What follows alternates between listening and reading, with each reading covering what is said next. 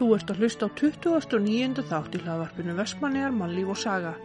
Þættinni byrtast á hverjum fymtudegi á eia.net og einni á helstu hlaðvarpsveitum. Hægt er að fylgjast með okkur á Facebook og Instagram. Í dag munum við ræða við Tryggva Hjaltarsson um líf hans og störf. Tryggvi ræði við okkur um lífsitt, námið sem hann fór í Erlendis, vinnuna, tónlistina og margt fleira. Tryggvi er fættur 9. ágúst 1986. Í setni hluta þáttarins heyrum við grein sem að Haldur Svavason tók saman um bók sem hann skrifaði og var gefin út 2018 um Grænlandsför gottu. Þátturinn var tekinu upp í félagsmiðstöðinni í Kvítahúsinu við Strandvegg. Sæll og blessaður Tryggvi Hjaltason Hæ, og velkomin í hlaðarpið. takk fyrir. Hver er Tryggvi? Hver er Tryggvi? Um, ég er fættur og uppalinn í Vestmannum. Já, Fættist hérna 1986, stutt eftir að mamma og pappi eh, ákvaða að flytja hérna þegar pappi var í aflýsingum sem læknir. já, Pappi minn er Hjalti Kristjánsson heimilislæknir og mamma mín er Vera Björk Einarsdóttir hjúkurunafræðingur. mhm, Og þeim líkaði hansi vel henni í Vestmannum en pappi var ennþá í námi og ákveður síðan bara nokkurum vikum eftir ég fæðist að flytja til Svíþjóðar með fjölskylduna og við förum öll saman þar og búum í Vesterós mm. í Svíþjóð fyrstu fjör án okkar þar. Ok. Sem Pappi er að klára sérfræðinám í, í heimilisleikningum. mhm, Svo flytjum við aftur til Vestmanna 1990. Ég og mamma mín og pappi minn og eldri bróður minn Trösti og litli bróður minn Árnígarðar sem að dó tveim árum setna í bílslisi á heiðaveginum. Síðan egnaðist ég litla systir 1993 sem heitir Ragnir Perla. Og við búum í dag öll hérna í Vestmannum, bæði, bæði mamma, pappi og sískinu mín. Og ég var síðan ekki að flækja málin ef ég held aðeins áfram með fjölskylduna að ég hérna giftist síðan bara stelpunni í næsta húsi. Já, getur En- fara langt. henni Guðnýju minni sem við byrjum saman þegar hún var 15 og ég 16 Já, og, og hérna við erum bara búin að vera saman alltaf tíð síðan og ég var mitt núna uh, síðasta afmælinu mínu sem var núna í mánuðin 9. ágúst þá var fyrsta sinn sem ég er búin að eiga fleiri afmæli með Guðnýju heldur en án. Já, þannig ég er búin að vera með henni núna meir en hálfa æfina já, og uh, já, svo ef ég tek svona stóru stóru stiklunar að þá kláraði ég bara alveg upp í framhaldsskólinni Vestmannum hérna. Þá gæti ég tvítur mm. Og líkaði það mjög vel og ákveð síðan að fara með honum Sigurjóni besta vinnu mínum í smá heimsirsu og við ferðum, förum til bandaríkjana hérna 2006 strax eftir útskrift í framhaldsskólinum og kaupum okkur gamlan Cadillac og rundum þar um bandaríkin í tökum hvað 33 fylki og förum hérna til Japans og Mexiko og okkur eigur og svona, erum mér okkar mánuði. Og þar var ég að leita mér að háskóla í, og sem ég fann fyrir svo til- í háskóla til bandaríkjana og er þar í þrjú ár í grunnnámi sem var rosalega skemmtlegt og var líka í liðsvaringi þjóðlinni á bandaríki hér og mikið, Já, ok. mikið æventyr og Guðni kom með mér, við varum þar saman. Já, síðan kom ég heim uh, tek svona ímislegt fyrir hendur næstu árin og ákveð síðan ég og Guðni árið 2018 þegar við erum komið það með þrjú börn að flytja aftur heim. Mm. og þannig að við erum búin að vera núna í þessum mánu þrjú ár aftur tilbaka sem var ekki spurning stærsta einstaka lífskeða stökk æfi minnar. Já, þannig að þetta er svona stikla á stóru já, hver Tryggvi Hjaltarsson er. Já. Og hvað hérna, nú er ég forröndin, hvað fórst að læra í bandaríkunum? Herðu, ég tók BS gráðu í einhverju sem hétt uh, Intelligence and uh, Security and Intelligence Studies. Það semst gráðan hétt uh, BS í Global Security and Intelligence Studies. Ok, sem er ekkit óöðvöld að íslenska, það er ekki til, til íslensk orðið yfir intelligence, en þetta er svona svona leinithjónustufræði ef Já. maður, ef maður einfaldar þetta, þetta var sem sagt bandaríkjan er svolítið í hábúndunum í stríðinu gegn þrýðverkum hann mhm, og þeir voru búin að komast að því að það vantar rosalega mikið það sem þeir kalla human, human intelligence. Já, að því þeir voru að stilla upp að nýjum svona tegundum af upplýsingaöflunarsöfnum í til dæmis í drónum og svo leis sem þeir kalla SIGINT eða Signals Intelligence.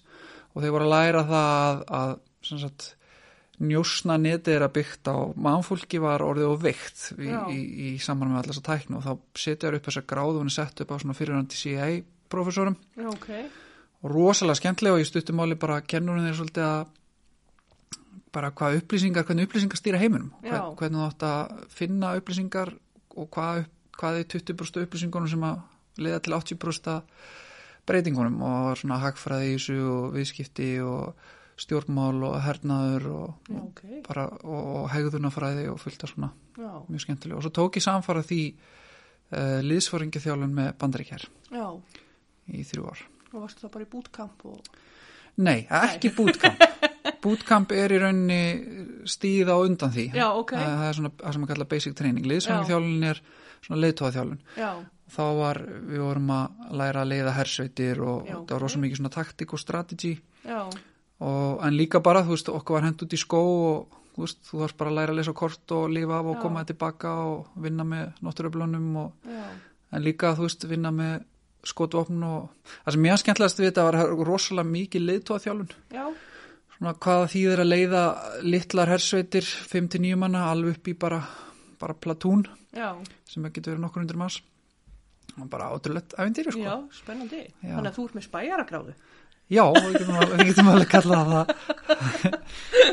Búin að pýna nýtt íslensk orðið við þetta. Mhm. Nei, tjók. já, magnað. Þetta er spennandi. Og hvernig dætti þetta í hug?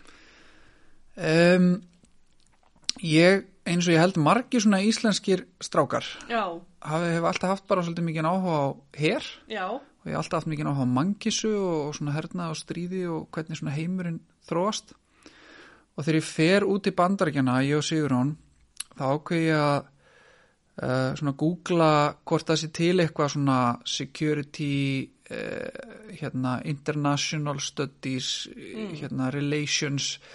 Var heilengi að googla og fann nokkra skóla sem að voru með svona gráður á þessu sviði, svona Já. alþjóðasamskipti og sliðis og það var eitt til dæmis mjög flott svona gráða í Georgetown í Washington, ég heimsótti hann líka. Nema svo finn ég þennan skóla og það var bara bara þegar ég kem hann inn, þetta var í Arizona eðimörkinni, það var bara svona eins og Guð sagði mig bara, hér áttu að vera. Það kom alveg rosa sterk bara. Já, og ég enda á að sækja bara með eitt skóla sem, Já. sem að mann er nú ekki rálægt að gera en, en ég var alveg 100% á ég kemist þannig inn. Já, og hérna ég fæ elliða sem að þá bæjastjóri hérna, og hafi verið kennari minn í, í framhaldsskólan til að skrifa fyrir mig meðmælabref og svo bara fór ég og heimsóti skólan og tala við þau og útskýri að okkur mér langar fara hann inn og ég kemst bara inn. Já, ok, magnað. og bara og, Já. Geggjað. Svona á maður að láta drauman rætast bara. já, ég held ég að hafa gert það þarna sko. Og ég, ég sé alls ekki eftir því. Þetta var ótrúlega mikið Já, og, og annað sem að svona ég eiginlega fatta ekki fyrir setna er að kenni manni rosalega allan að kenda það mér mm, og Guðni líka með hún rætti þetta mikið að meta hvað maður hefur inn heima já, að vera sviftur í. Já, og við til dæmis hann að byggum í eimörkinni Mm. og 2000 eða eitthvað kílómetra frá sjó. Já, og bara þetta að finna aldrei sjávarlyktina og Já. sjá aldrei og heyra aldrei í sjó. Já. þegar ég var búin að vera í nokkra mánu í umhverfi rosalega fór ég að sakna þess. Já, og þetta er staður það sem að 360 daga ársins er bara clear skies, það er bara, bara það er ekkit viðröna, það er engin úrkoma og það er alltaf sama hittastíð og, og hérna, ég fór að sakna rosa bara svona rigningar og, og veðufarsbreytingar Já. og fór að fatta hvað það er mikil áhrif líka bara á svona karakterin í manni Já. og held í okkur Já. en svo bara fullt af hlutum sem ég kunni ekkit sérstaklega kannski að meta við það alast upp í Vestmannum að þeim var alltaf haft á Já, sem ég var ótrúlega þakklátt fyrir eftir að vera hann úti og, og í Reykjavík þú veist, bara eins og þetta samfélag mhm, og þú veist, hvernig Vestmann er rosalega einstætt samfélag og svona nálaðin í allt og hvað þetta er mikil náttúru fegur nú er ég búin að ferðast um hvað 40 og eitthvað lönd og Vestmann er ennþá fallegasti staður sem ég kom á og, og bara já, það er svona í dag bý ég í Vestmannum og ég er svo ég er svo sáttur, ég er svo þakkláttur fyrir að fá að búa í Já. Vestmannum já, sem ég er ekkit viss sem ég hefði verið ef ég hefði aldrei farið sko. einmitt. þannig að þetta var allan holdt fyrir mig svona, eins og maður segir perspektíf sko. Já. Svona, Nei, og líka náttúrulega bara mjög sniðut aðeins að vika sjóndöldarhingin og, og upplifa eitthvað nýtt. En geggjað. En hvað hérna, hvað er það að gera núna? herðu, ég tók bara starfið mitt með mér Já, ég vinn fyrir töluleiki fyrirtæki CCP Já. sem að er í dag bara alþjóðlegt fyrirtæki við erum með skrifstofur í uh, Bandaríkjónum, Kína Breitlandi og Íslandi og rosalega skemmtilegt svona krefjandi alþjóðlegt átækni starf sem að ég var ótrúlega þakklátt fyrir að geta tekið með og hefur bara verið ekkert mál. Bara Já. komið mjög óvart hvað þetta er unni var lítið mál að taka þetta starf með sér. Uh, og svo er ég svona dunda með ímislegt annað, ég er, ég er formaður í hugverkar á því og, og ég er svona tekið að mér stundum að sitja í hinum á þessum nefndum fyrir stjórnvöld og Mm. reynir svona að láta eitthvað gott að mig leiða uh, í svona ymsum hliðarverkefnum. Já, en, en ég bara vinn heima og er líka með skrifstofaðastöðunir í þekkingasetri já, ok. sem er bara eindislegt Já. Svo ertu í hljómsveit eða ekki?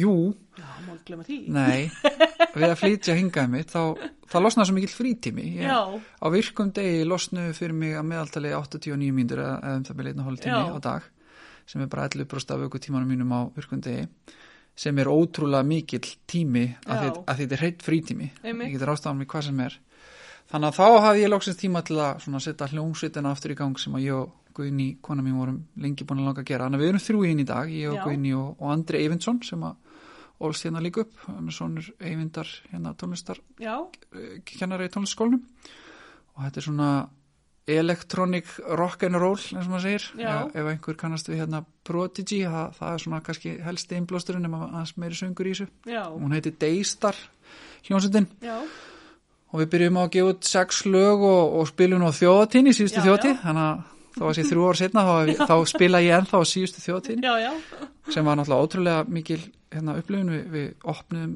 stóra sviði þarna og, og bara vestmanningar eins og vestmanningar eru, þeir tóku ótrúlega vel Já. og bara fólk sem að þekkti ekki neitt peppa maður þýldi í þetta. Já, síðan svona er búið að vera aðeins pása núna í eitt ár en, en við settum þetta á Spotify og, og erum bara stefnum að gefa síðan út meira efni og bara Já. svona í róli heitunum.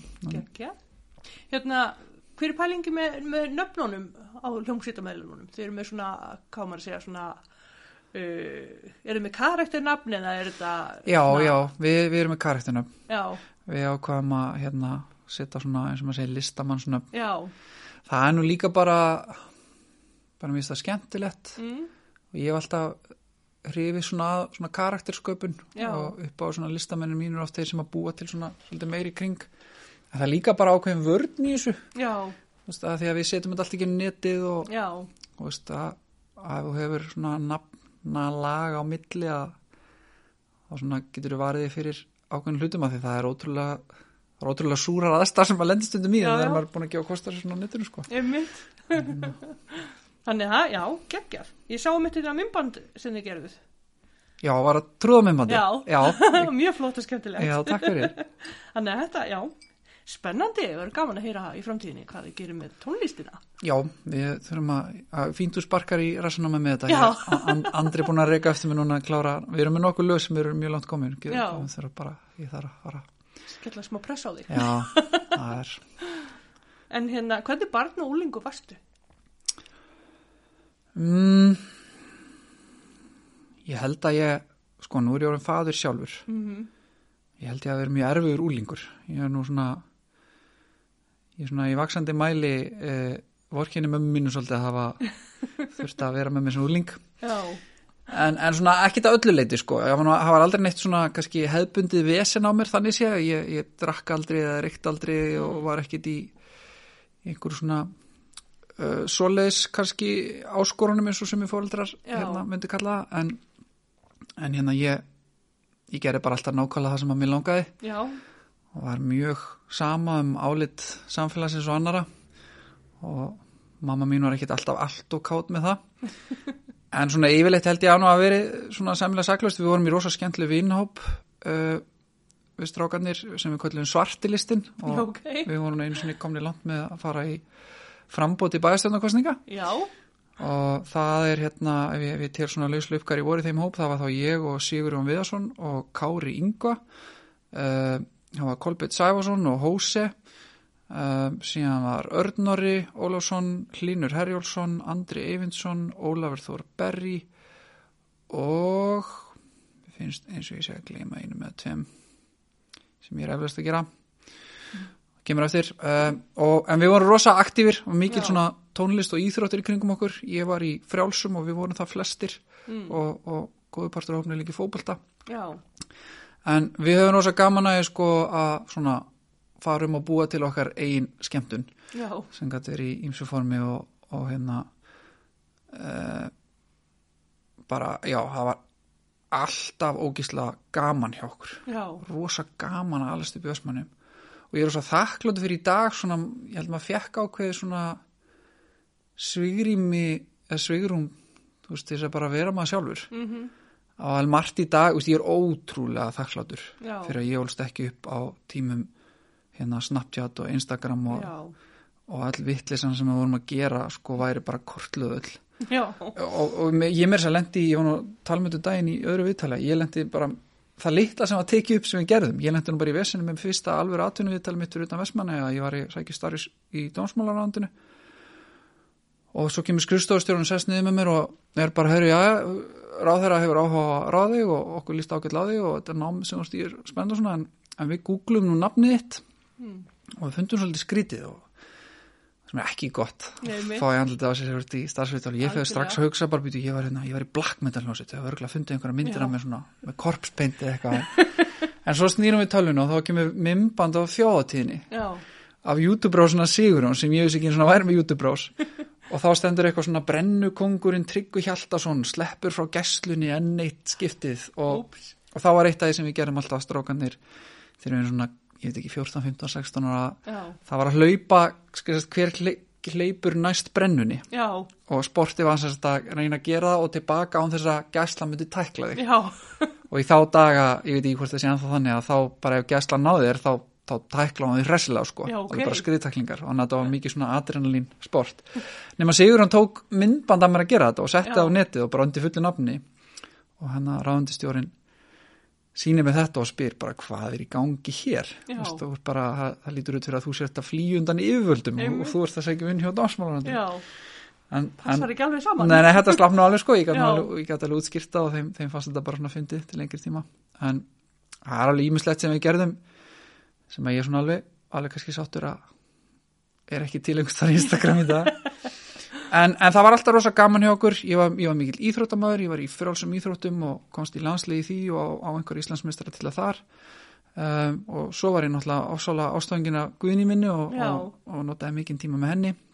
Og hún var strax bara svona eina á strákunum hjekk alltaf með okkur. Og, og svo náttúrulega stofnaði ég hljónsett og hérna sem fyrir fyrst postmortem og síðan stillbörð og var svona, eins og maður segi black metal hljónsett, það er svona eins hart e, þungarokk eða metal eins og, eins og maður getur fundið. Og það var ótrúlega skemmtilegt þetta er á þeim tímum þegar þegar það var er bara alla hljónstingi át á eftir gamli fiskiðinni. Já, einmitt. rosaleg gróska í tónlistilífinu í Vestmanni, ótrúlega gaman, það voru mest ég held að það veri yfir 30 hljónstu þegar það var mest sko. Eh, það er svona kannski úlingurinn tryggvi. Ég, ég hef líka alltaf mikið metna, mikið keppniskap. Mm. Og ég elska að keppa og ég gætt kefti einhver og kefti alltaf í því. Mm. og, og hérna en, en ef ég hefði ekki áhuga einhverju þá syndi ég ekki droslega vel. Og, og sem námsmaður til dæmis að þá var ég mjög ójafn námsmaður. Að, að dönsk, danska til dæmis sem ég skildi ekki ákveð að læra, ég fekk bara fjóreið og mér finnst það bara fínt af því að bara, mér finnst bara tilgangslust að læra dönsku. En, en ef það var mangisaga eða sálfræði eitthvað sem ég fannst skipta máli að þá fekk ég bara nýja tíu af því að, Já. að því mér Það það skipta máli og, ég, og þá fór keppniskap í gang uh, svona sem barn held ég bara að ég hafi verið ég var allavega mjög hamingisamt barn ég átti mjög góða barnasku og, og svona með kannski þessum fyrir utan þennan stóra skugga sem er náttúrulega ég missi litla bróðum þegar ég er sex ára Einmitt. uh, að öðru leiti er ég telið mig vera ótrúlega blessaðan að, að eiga þessa fóreldra sem ég á Mm. Að hafa fæðist í Vestmannum og á þessum tíma. Uh, þú veist, þurfu aldrei að ágjur af yfirvöldum eða stríði eða hungri eða neitt sem að svona flestir bara í mannkjössögunni hafa þurft að ágjur af. Uh, ég hafði mikið fótbolta, hafði frjálsar og, og bara átti marga góða vini. Ég átti leynist að bara rauni eitt af því sem við gerum mjög oft var að fara upp í sorpu og finna eitthvað sem okkur fannst vera miklu fjársjóður og draga það síðan á leynistæðin í rauninu og svo alltaf að eins eða tveggjara fresti að þá, þá var gerð hriðjverk ára á leynistæðin og okkur fannst það því það var reynsunadagur og gekk einhverju raunin og tók alltaf á leynistæðinum okkar sem okkur fannst alveg hræðilegt. Og, og ég er bara, ég er í barnaskólanum og og bara ekkert nema eiginlega góða minningar úr barnaskóla. Ég var hérna Já, með nokkra kennara lengst af var ég með Eigló Björs sem að býr núna á Akureyri. Hún var kennari minnur þriðja upp í sjöndabekk og síðan Hanna, Sigur Hanna, mm. Friðles, uh, Friðþórs og hún var kennari minn í áttunda tíundabekk og þó okkur hafa nú oft lent harkalega saman af því að ég svona var ekkit alltaf að fela skoðuna mínar að þá held ég að nú hennar alveg þótt væntum hún allan gasta ekki upp á mér og, og við erum mjög bara góði vinnir í dag Já, um, já, það er svona kannski stóru punktanir í svona hvernig ég myndi lýsa mér sem barni og úling já. Þú hefur verið bara svona skemmtileg og krakki. það var alltaf rosa gaman Já, sko þegar ég hugsa um æskun og úlingsárin bara já ég er ekkert nema rosa hlýjar og jákvæða minningar já, held ég að vera bara bæði heppi með vini og fjölskyldu og Einmitt. kærustu og, og bara við vorum það fór, það fór til dæmis náttúrulega fór í lengin orka í vinopnum í, í svona þetta hefðbundna djam og áfengisnestu og allt það eins og, eins og náttúrulega var ofta í svona úlingsvinopum einmitt. og við nýttum þá orku bara eins og ég segi svolítið aðra hluti, Já. við vorum rosa mikið við fórum til útlanda saman og vorum að fara í tónlista, tónlingaferðalög og, og vorum alltaf að byggja eitthvað eða þú veist, hvort það voru hljónsutir eða eða einhver töluleikja lun eða eitthvað og, og bara alltaf ótrúlega gaman sko. já. Nú ertu ekkit rosalega gamall, þú ert frekar ungur maður. að hérna finnst þér mikil breyting á lífinu þegar þú varst ung, eða, svona yngri og núna. Já, Þú veist svona að þú lítir á það sem er, sem er svona úlinga í honum. sko já og nei ég var að hugsa ef ég myndi miða við eins og ömm og afa Mm -hmm. þá var náttúrulega ekki neinn breyting búin að vera þau fara þau gangi ekki ennum það bara þú veist að það kemur sími í fyrsta sinn og bíl í fyrsta sinn og Já. ramagn í fyrsta sinn og örbyggjofnar og sjónvarp og allt þetta mm Mhm. þannig bara hverjum áratug var bara algjör gjör bylting bara í bara svona grunnfunksjón samfélagsins. Já, og því leitinu til mér samfélagið og það að vera í eigum allt mjög svipa en, en kannski stóra byltingin og breytingin er náttúrulega samskipta já, tæknin. Veist, það er allir sér, allir sér hérna, samskiptamiðlar og, og hérna og símanir og allt þetta. Mhm. og ég er náttúrulega þessi kynslu ég fættur 86 að ég er svona kynslu þegar þetta er að byrja að koma. Veist, ég notaði yrkið og síðan Já. MSN Messenger já, og síðan MySpace áður en að Facebook kemur. Þú veist, þannig að maður, er, maður tekur alveg þátt í því öllu og, og svona þannig ég er, ég er ég er rétt næði að vera ekki í þessari kynslu þú veist, ég held að sé, ég held að sé rosa vond eða mistir á þessu úlingsárin og að því þá er þetta svo framandi, þú er ekki tilengaðir þetta. Já, og það er ekki mjög skrýta að ég held það að koma inn í þetta svona eftir á þannig séð. Já, og þannig að internetið sem samskiptamiðl var alveg stór partur af mínum úlingsárum þú veist, við, við róttum okkur saman á yrkinu og, og allt þetta. Þannig að ég er ekki, ég er ekki það gamall ég missa því. Einmitt. en stóra breytingin held ég og ég er rosa gaman að pæla í þess að því ég er mikið pælt eins og bara í stöðu drengja í samfélaginu og svona sem að, ymsuleiti hallar á. Um, ég held að sé bæði miklu auðveldara að vera þú sjálfur í dag Mm og það sem ég ávið þar er að eins og þegar ég er að byrja í þessu black metali sem er svona, sem er svona mitt counterculture á mitt punk af því að, að því að mestuleiti í mínu lífi valdi ég svona frekar viðkendar safe brautir, ég var bara íþróttamaður og, og, og, í skóla og allt þetta en svo, svo fæ ég rosa áhuga á þessu svona black metali sem, að, sem er ekkert eitthvað svona sem foreldrar kannski er ekkit rosa hrifnir af. Og þá þá upplýði ég sko að bara ég var rosa einn í þessu fyrstu Já. árin og ég þurfti alveg bara svolítið að búa til, ég þurfti alveg að smita fólk af áhuganum og, og mað, maður var alveg, maður fann stanslust fyrir bara svona þetta er ekki tónlist og hvað Já, er þetta og þurfið í alvörun að vera svona ljótt kleddir og veist, alveg bara svona endalust punk sko sem, sem fyrir mig var bara partur af stöðinu og í dag, ég meina í dag hefur áhugaður okkur skrýtnu, þú veist, anime eða manga eða black metal eða Mm. veist, robotum eða eitthvað, þá, þá finnur þú samfélag á netinu ekkert mál, 1, Já. 2 og 10 og þú, þú finnur vídeo á TikTok eða Facebook eða Instagram eða eitthvað að fólki gera þetta og getur tengt og ekkert mál. einmitt. Þannig að einhver leiti er auðvöldur að maður sjálfur. En ég held samt líka, móti kemur, ég er svolítið að ræða þetta af fóreldra og kennara hinn veismunum, þá er líka erfiðar að vera maður sjálfur. Mm Og, og þegar ég sé hópa af ungu fólki í dag, ég veit ekki hvort ég að segja þetta upp á sko, en það finnst mér þau öll lít alveg út, mjög Já. oft. Það er bara, alla stelpunar eru svarklædar í svörtum leggings, svörtum úlpum, með alveg hárgæslu, allir strákanir eru, veist, og alveg Já. bara svona rosa mikið bara vák, allir líta alveg út. Mhm.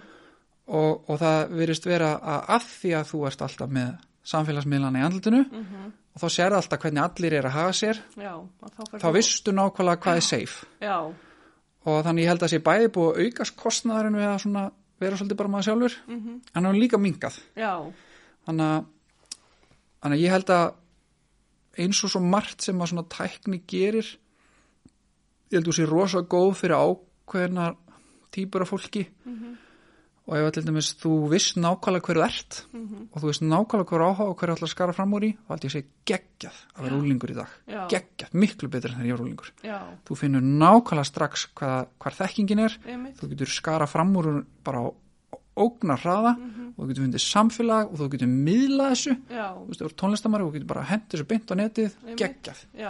En þú veist ekki hverju það ert Já. og ert bara kannski með lítið sjálfströst og óviss um þína framtíð og svona, þá held ég að sé erfiðara rúlingur í dag. Af því það er alltaf í andlutunar hvað allir aðrir vita hvað er alltaf að gera og einmitt, hvernig þú átt að klæða þig og Já. hvernig þú átt að haga þér og allt saman. þannig að ég held að Mhm, ég held að ég er alveg samanlegaður hérna.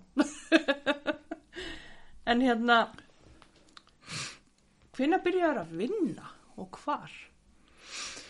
Herðu, ég ég ætla alveg að viðkjanna það núna ég var ekki duglegur vinnandi úlingur ég hafði bara aldrei neitt áhuga á því Já, og ég maður þess að hvað mér fannst skrítið þegar vini mínu voru ótrúlega spennti fyrir að komast í vinnu í, í sko fristúsónum eða á sjó eða eitthvað svona til að fá alveg pening og, og bara ég hafði engan áhuga því. Af því að minn áhugi var bara ég að vera að æfa íþróttir stanslust og ég átti eitthvað frítíma að búa til einhverja tónlistega og fyrir mér að bara vinna að skemma það. Já, En þú veist, þetta er náttúrulega líka alveg ákveð merkjum það, veist, ég náttúrulega bara hafði það gott og kannski já. vanta ekki sérstaklega pinning og svona, en, en þannig að fyrsta vinna mín er nú bara vinnuskólinn. Já, og ég fóð nú held ég bara í hann út af var bara því að flesti vinni voru að fara þanga og annars held ég að ég hef ekki gert það sko. Já, og ég ætla ekki að fullira um það að ég hafi verið uh, upplugur vinnumæður í vinnuskólanum.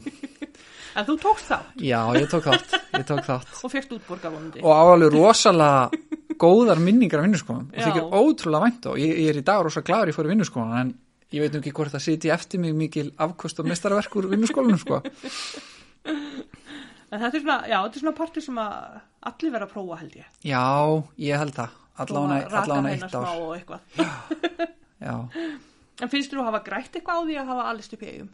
já, ekki spurning Mhm. alveg haug Ég hef rosa gaman að því að núna tek ég svolítið þátt í svona uh, samfélagin í kringum atvinnulífi í, í borginni Mhm. og sérstaklega svona störmin í hugverkar og þetta og þá fæ ég og ég er sitt í stjórn samtaka yðnaris þannig ég hitti rosa mikið af svona framkvæmstjórum og fjármálastjórum fyrirtækjana á Íslandi Já, og ræði rosa mikið við þá.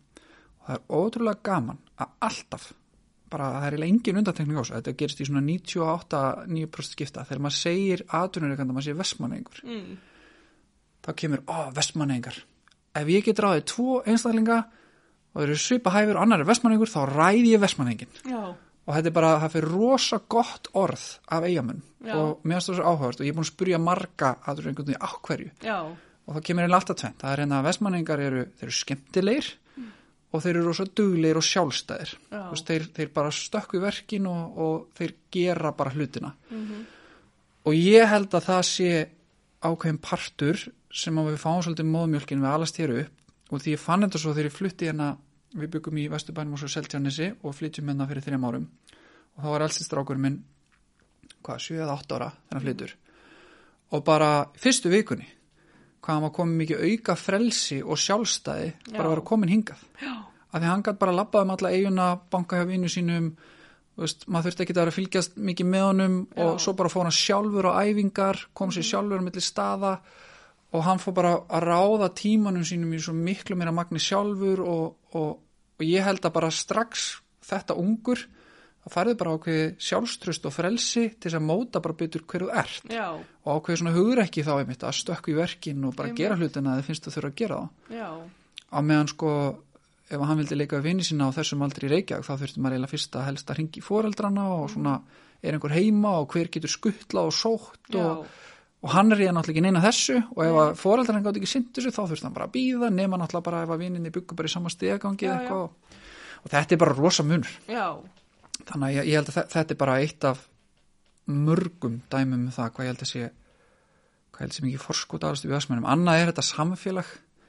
Ég til dæmis fann það eins og þegar ég fór að ná árangri í íþróttum. Og ég, ég náttúrulega var í einstaklings íþrótt fyrir Já, þannig að árangurum var svolítið bara minn.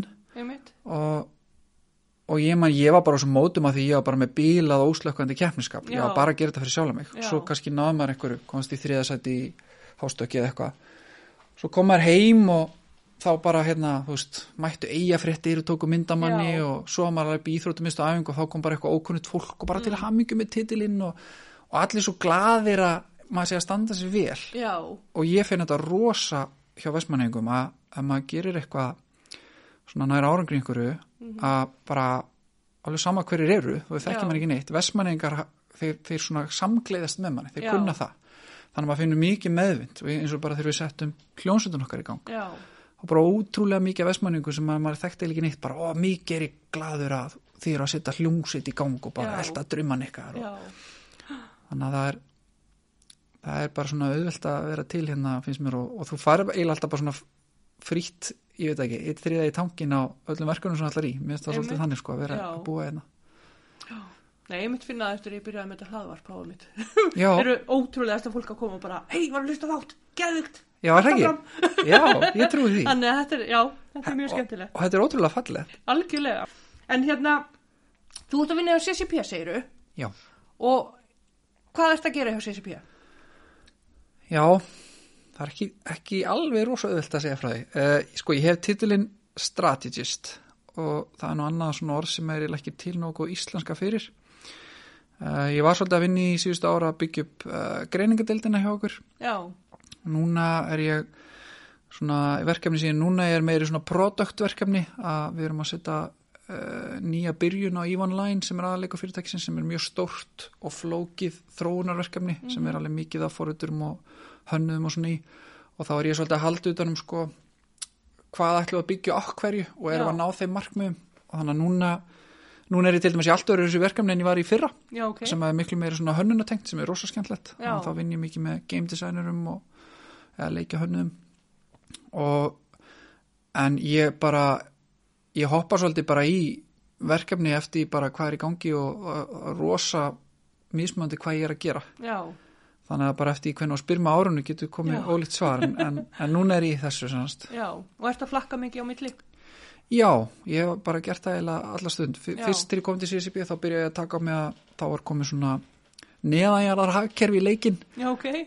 í kringum fjárhættuspil. Já, Ég þurfti að rekja sem sagt uh, hvaðan var það hagkerfi til, hvert, hvert voru peningarna að fara og akkverju og hverju voru að græða því og, já, og þú veist, var þetta á einhverjum gráum mörgum upp á bara lagalega séð og, og hvað áhrif hafði þetta leikin og hvað áhrif hafði þetta en þess að þeir sem að ráku spilaviti þeir voru undir ríkustu leikmanni í hagkerfinu og þeir voru Já, farin ok. að nota auðin sinni að hafa áhrif á hernað og flutningalegri leiknum og hann er alveg rosa greiningavinna og ákveðin svona í Spæjaravinna. leðinni sem er mjög skemmtilegt kom námið svolítið vel við hendi. já, já, og svo, svo þurfti að gera kostnaðamat á þessu og, og, og svona, svona eins og maður segir ROI greiningar og, og það var bara ótrúlega skemmtilegt verkefni en þegar það var búið þá bara tóku ákvörðinu það og svo fór ég bara því í allt annað verkefni sko, Já. sem var bara svona ákveðin vision vinna um framtíð leiksins og, og þetta er nú eitt af því sem ég kann alveg ossalega vel að meta við þetta fyrirtæki, það er svona endalust af svona, hvað sem að vitsmunalegum áskorunum, það sem að reynir á maður þarf að hugsa og pæla og reyna að skilja og tengja saman og, og svo finnum maður mikið með nýju ólíku fólki sem er yfirleitt mjög klárt og þetta eru svona alþjóðlegar áskorunir og hafa oft áhrif á rosalega mikið af fólki, þú veist ég hef verið að gera breytingar sem að miljónir manna fara svo nota. Já. og það er svona rosa auðmíkjandi að upplifa það sko, eins og, eins og hérna 2016 uh, gerði ég handrita sögu sem að var sem var svona uh, introið inn í leikin og, og það endu, ég man ekki hvað var marga mil, miljónir sem endu að fara í gegnum þá sögu. Þú veist, og ég skrifa bara fullt orðum í þeirri sögu svona, Já, já. og ótrúlega svona er henni möglu upplifun að átta sig á því að það er bara einhver, einhver hérna kona í Ástralíu eða maður í Japan sem eru að eiga upplifun heima á sér sem að maður tók þátt í að byggja sko. einmitt, algjörlega. En hvað hérna, hvað ertu að gera með, hvað sér, hugverk? Nei, hug, Hugverkaráð já, hugverkráð, hvað Já. er það? sko ég byrja bara alveg að byrjunni hérna 2011 þá var ég faðir í fyrsta sinn Mhm. og eignast Bjart og ég man svo þegar ég fæ hann í fangið og við nefndum Bjart Bjart þess að hann var alltaf svo Bjartur hann var Já. alltaf brosandi og glaður og, og ég man þegar hann horfir hann í augun á mig með bláu augu sín og ljósa hári sitt og brosandi og fyrst fæ ég svona alveg yfir þyrmandi gleði tilfinningu Já. og vá, bara þetta er tilgangurinn Mm. og bara strax í kjölfari svona yfir þyrmandi óttatilfinningu Já. bara núna ber ég ábyrð á öðru lífi en sjálfu mér Já. Og bara ef ég tek slæmar ákvarðanir þá hefur það bara áhrif núna inn í framtíðina. Veist bara þennan dreng og, og börnin hans og Mhm. þannig ég fer að velta fyrir mig bara hvað er best að alveg börn? Já. á ég að gera það á Íslandi eða ég var að fara aftur til Bandaríkina eins og ég og Gunni vorum að spói eða ég var kannski að fara aftur til Svíþjóðar eins og ég bjó einu sinni og, og ég fer að gera svona taka fram þessi verkværi sem maður búin að fá um, um svona greiningu og skoða bara þessi hagkerfi og samfélög og, og kemst að því svona eftir að hafa borið saman ímislönd og mentakerfi og, og stuðnísnet og launatekjur og lífsgæðan að, að Ísland er eitt af ef ekki bara besta land í heiminum til þess að alveg börn Já, ok. sérstaklega þegar eru ung Mm. sérstaklega svona upp að úlinsaldri Mm. bara leikskóla kerfi okkar heimsklassa og, og ég man alltaf í partur af þessu ferralagi þá átti ég vin sem var í Boston og hann sagði hérna ef allir setja badni eitt í leikskóla sem er sambarilega gæðastala eins og bara meðal íslensku leikskóli þá kostar það 300 til 400 þúsund krónur á mánuði Vá. og þú veist við borgum 25 til 40 Já. eitthvað sliðis og fyrir utan það náttúrulega bara nála við fjölskyldu og allt þetta en eftir svona 12, 13, 14, 15 aldur þá verður þessi mynd miklu skakkari Mm. og sérstaklega þegar kemur svona bara hver er tækifæri ungs fólks við bara geta fundið áskorunni við hæfi og áhugasvið og, Mm. og þar var Ísland allan á þessum árum sem ég er að skoða, þetta er bara mjög fátæklegt og við, við erum, við erum einhæft auðlinda hækjari, við höfum allt, alltaf tíð verið það Já, já. á þessum tíma þegar ferðarþjónustan er að vaksa ennþá meira þá erum við raunin að stefni í það að vera ennþá meira einhæft auðlinda hækjari en þess að ferðarþjónustan er auðlinda hún gengur á takmarkaður auðlindir Mhm. og, og náttúrulega ferðarþjónustuna mestu fylgir bara lálauna og sérhæft störf Já. Hann ég var bara ok, heyri, það er kannski ekkit sniðugt að, að hérna, við getum byrjað hérna í Íslandi en svo þurfum við bara að fara að skoða það að koma okkur út Já. Þannig ég ákveða að ég er að taka hana masterskráði í fjármálu fyrirtækja að nýta hana bara í lokarítgerina í að rannsaka sko hvað þarf að gera í íslenska hagkerfinu þannig að það verði áhugavert að búa hérna Já. og þá kemst ég að því að það er komið svona vottur að nýri stóð í hagkerfið eða svona það var svona fræ á þessum tíma kannski sem var hugverkastóðin Mm. og hugverk er þá í rauninni bara þessi, þessi fyrirtæki og yðnaður sem að byggir það sem verðmætasköpunni fyrst og fremst ekki ennur rannsóknar og þróun og, og hugverk Mhm. ekki náttúruauðlindir eða, eða grunnframleyslu eða eitthvað svo leiðis og ég fer að kortleggja bara þau lönd sem að hafa nálant í þessu, hvað hafa þau gert og, og hvað er Ísland með sem styrkleika og hvað er veikleikanir og það koma rosa skýri styrkleikar í ljós og rosa skýrir og mikli veikleikar. Já. og ég í, í því að gera þessa rannsókn þá tala ég við bara alveg hauga fólki í þessum gera og fór að heilla svolítið að honum og, og bý til svona ákveðina framtíðar sín og fæ síðan bara svona rosalega mikið áhuga að byrja að vinna eftir henni bara hvernig kemur maður þessu í, í verk og, og fyrir að smita fólk áhuga að breyta þessu öllu. Og það er bara langt og, og svona flókið og skemmtilegt ferralag sem að ég kannski fyrir ekki eða öllum tíman hér í að tala um sem að hefur allan leitt til þess að ég endaði sem hann að formaður hugverkarás Já. og hefur unni mikið og náði með stjórnvöldum síðust ár í ymsum nefndum og ráðum og ég satt til dæmis í stýruhópum að gera nýja nýsköpunarstefnu fyrir Ísland og, Ok. og ímislegt svona það sem að bara mikið af þessu sem að ég og náttúrulega fleiri voru búin að komast að þyrta lag á Íslandi Já. hefur verið lagað og færti betri vegar Mm. en það er núna raunleikin orðið sá, það er ótrúlega gaman að segja frá þess að hugverka yðnar er orðið nýfjórða stóð í hagkjörun Íslandi Frábært. og í rauninni bjarga okkar um mörguleiti í gegnum COVID núna, það var eina útflutningsstóðin sem að minga ekki í tekjum Já. í, í vesta COVID-faraldrinum og er að vaksa mjög rætt og tölvuleikja gerin til þess að ég er, ég er að, bara hann er að vaksa alveg ótrúlega rætt Mm og þessu fylgir mikið af nýjum áhugaverðum hátækni, hámentuðum, hálaunastörfum Já. og ef við höldum bara rétt á spilunum næstu árin þá þegar Bjartur Sóni minn verður en 15-16 ára í framtíðinni þá, þá trúi ég því að framtíðin á Íslandi verður bara ansi áhugaverð sko. Já, magnað. Þetta er geggjað. Já, þetta er ótrúlega, ótrúlega skemmtilegt hvað þetta er alltaf þróast rætt og áhugaverðan hátt sko. Já. Og, og partur af því ef við, ef við tökum Vestmanniðar bara, Mhm. ég er verið að tala með þetta í Vestmanniðum það sem er það sem er svona samkefnisforskot okkar sem samfélags er að við erum ótrúlega hátt þjónustustig. Mm og tröstu bróða minni hann verið í hérna, bæjarpolitíkin nokkur ára og hann er alltaf að fara yfir þetta með mér. Bara við erum með þjónustustig fyrir miklu starra enn bæjarfélag en við höfum á flestan hátt. Já. Þetta er gott bæjarfélag, þetta er, það er náttúrufegur hérna, það er tildulega ódýrt fastegna verð allan með við höfborgarsvæðið uh, góðu mannur hérna, það eru öflugar, stöndugar grunnstóður í efnaðslífinu sem er sjáruðurinn sem er með gott fólk og, og hefur peninga til fjárfesting og annað. Og núna erum við að fara inn í nýtt tímabil þar sem að bara sérfræðingar hvað sem er í heiminum geta búið hvað sem er í heiminum með vinnuna sína. Já. Og ég held að svona staðan svo vestmanniðar Já. þar sem að þú ert bara þú veist, með fjóra miljónir á mánuði að vinna fyrir Google í að reyna að leysa einhver gerfin þetta vandamál veist, okkur ekki að prófa bara að fara með fjölskylduna til vestmanniða og vera bara í heimsklassa náttúru þú veist, geggjuð samfélagi góðum frið Já. Þú veist, nógu tími til að gera allt. Og allt, öll þessi lífsgæði sem að sérstaklega ungt fólk en við flest erum að leitast eftir það er svo stutt í þau inn í vestmanni þannig ég held að það sem að þessi hugverkabilding mun færa stöðum eins og vestmanni er að börnin okkar muni geta að menta sig svo, til hverju sem þið vilja og komi bara aftur til eiga með það, þú veist, hvort sem það er að starta nýjum fyrirtækjum uh, valdefla þau sem er nú þegar hér til staðar eða bara taka störfin sín með sér Einmitt. og ég held við munum sjá alveg rosalega breytingu bara á næstu 5-8 árum Já. í Vestmannum, ég meina ég var nú bara síðustu viku heyrði ég um þrjá sem voru að kaupa sér hús hérna núna sem er allir að gera svipa og ég taka, taka störfin sín með sér tilbaka til eiga sko. Og eru nokkrir búnir að því nú þegar. já alveg bara, þetta, þetta þetta er alveg tugir manna í dag sko. ég, Já.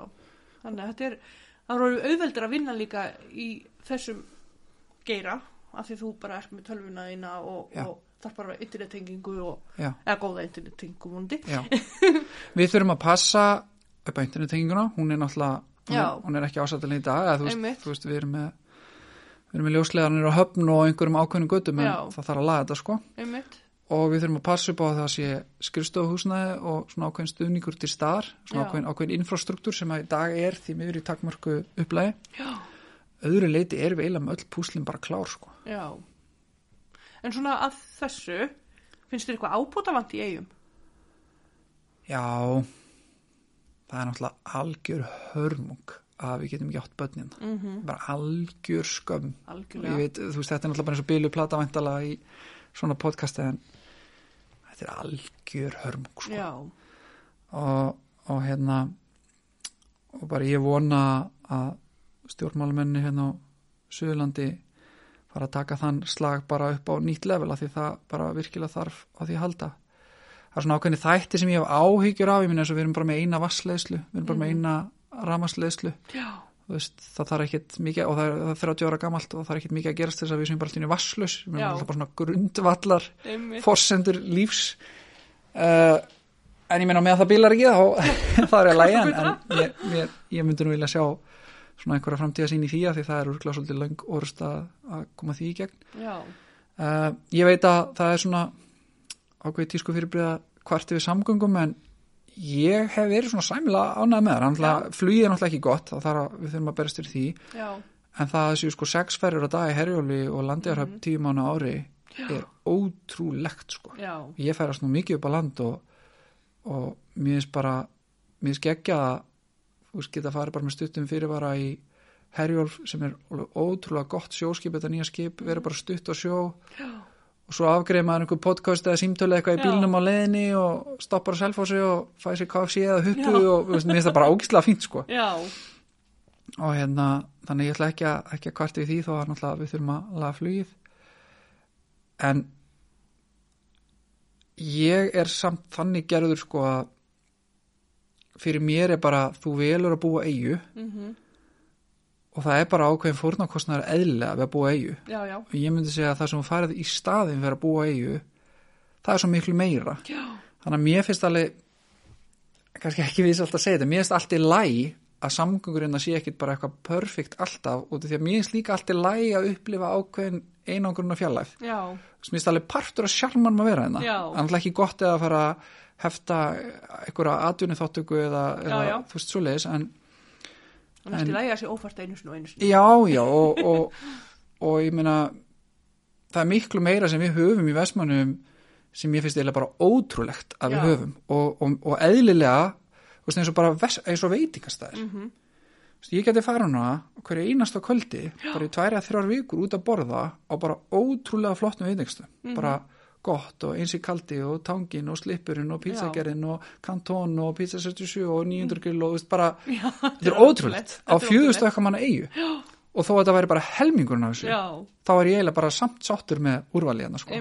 endur, endur við mjög duðlega að fara út og borða að panta mat og bara mistu svo frábært Já. og það er margt svona, ég minna að það eru hvað, fimm fótboltavellir hérna, það er ótrúlega upplugt íþrótastarf og veist, ég tók parkour námskeiðum daginn hjá fimmleikafélaginu og, Já. Og veist, ég get alveg ótrúlega fjölda af íþróttagreinum hjá flottum þjálfurum í starfi sem er vel haldið utan að börni mínir að æfa veist, þau komust strax inn í tónlistaskólan engin byggtími, heimsklassa þú veist, kennarar. Og, og hérna þau æfa mismöndi íþróttagreinar og öllu leiti haldið vel utan um það starf og öllum samanbyrði sem ég þekki annars staðar. Já. og ég meina fyrir 4300 manna bæjarfélag á eigu í ykkur úthafi Já. það er þetta bara lígilega góð þjónusta sko. Algjörlega. Og hérna, þegar þú varst ungur, þá varstu hérna í, í hérna fiskiðunni. Já, Finnstu það vanta svolítið já, svona smiðju? já veistu að það er tvent sem að mér finnst rosalega vant eigum Mm. eitt eru uh, bara er pólitíkina að vinna í og það er hérna aðstað fyrir nýsköpun Mm og svona ákveði metnaður í nýsköpunarverkefnum -hmm. og, og Vestmann er bara nú nýbúin að fá 10 miljón krona útlutun úr, úr nýsköpunarsjóða ríkistjónarinnar fyrir að setja upp svona sjávarlítækning klasaðinu og þannig að það er alveg, alveg hjólarúlega þar Já. og hitt er þetta með tónlistina Já.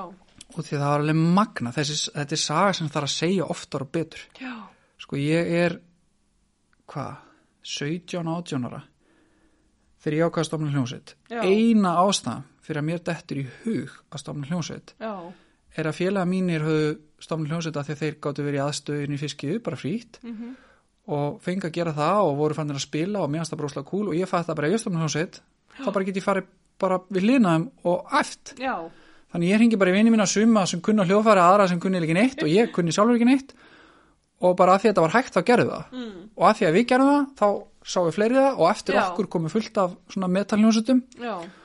og, og svo bara förum við á að þetta er bara, þetta er bara fjögur ár cirka sem að Vestmann er faru því að eiga tvær eða þrjár hljónsutir Mm í, hvað, í 35 eða eitthvað svo leys og, og bara svona kannski þriðji fjóruði hver einstaklingur á aldrinum 15-20 ára var í hljónsveit eða með fótinn einhverjum einn inn í tónlistarlifi Já. og í kjölfari fáum við sko sigurvera músíktilurina margar hljónsveitir sem hafa verið að hérna uh, gera plötusamninga eða taka plötur og spila eh, hérlendis og ellendis og, og, og mikið einstaklum í dag sem að vinna bara einhver leiti við tónlist, hafa farið í upptökufræði eða vinna við að setja upp hljóðkerfi og annað Já. og þetta er ótrúleg uppskera Já. ótrúleg og hún kemur út af því að það var aðstæða sem að var bara hver sem er mátt að fara í og, og svo náttúrulega má ekki gleyma þeim aðlum sem að held utanvönda til að byrja með sem er hérna Óskar og, og hérna í hellugjörunni og hann hérna Óðin Hilmis. Mhm. og síðan komu Tóti hérna uh, Rafvirki og Húsverður og, og sem, er í, sem er í hérna tónlistarlífun líka mikið sjálfur og hann, hann tók uh, þetta setna og síðan bara því mér sko flosnaði þessu upp úr þessu setna mér og, og, og hérna en, en framanaf bara voru þeir, lög, þeir á sem mjög óengjant starf og heldur þetta vel og, og ég vildi óska þetta væri svona í dag Já. en þess að þrátt fyrir þetta aðstöðleysi Já. erum við að fá sko heimsklassa og ég segi heimsklassa því að hérna, metalhljónsustin Merkur, þannig þannig minn bakgrunni metal, Já, já. ég, hef alltaf til hlustað mikið metal og spila mikið metal og þetta er ótrúlega flott hjá þeim sko. Það er ekkit langt í að þessi strákar veri bara komnir í einhverja hundruð þúsunda hérna, streym á Spotify bara mánalega og svona síðan erum við Junius Meivant hérna. Þú veist, við erum með fullt af svona eldri hljónsættarhópum hérna, blít og létt og, og brimnes og allt þetta. Mhm. en það er alveg, maður er að heyra af yngri hópum sem hafa samt verið í vandræð með þetta. Já, og ég er alveg, ég er bara 100% viss já, að með að Vestmannabæður myndi í dag bjóða bara hver sem vill getur komið og stofna hljónsett Mhm. í hérna húsnaði sem að er einhverja bara, veist, hér eru reglunar og einhverja takmarkanar og eitthvað svona og þú þarft að taka til eftir þau og sinna þessu og eitthvað að það myndi ekki taka langa tíma í að það væri týr hljónsetta henni í eigum og gríðaleg grúska í því sko. já. Þar stórt húsnæði, myndur halda. Ég ekki til að byrja með, Nei. það sem maður náttúrulega geggja við fiskjuna var þetta var endalega stort húsnaði Já, og þess vegna gæti þetta vaksið svona rosa hratt já, sko. allir bara með sitt Já, og, herbyggi. við, og ég man hérna, sí, ég, voruð þið margi með hvert herbyggi eða?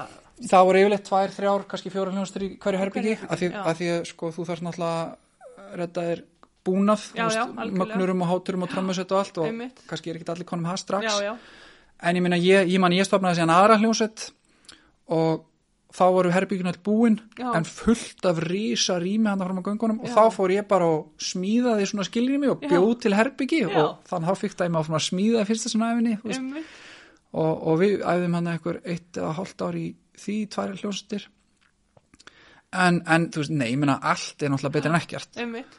Og, og, og bara ég, ég held ég bara öll, allri minni aðkomi í eitthvað svona uh, pólitíst hvort sem það er á vegum sveitafélag eða ríkisins hafi ég aldrei séð aðra eins uppskeru Já, eins og í því að Vestmannabær leiði fólki að hafa hljónsettarastöð eins og það vildi hann í fiskiðinni það bara því lík uppskera sko. já.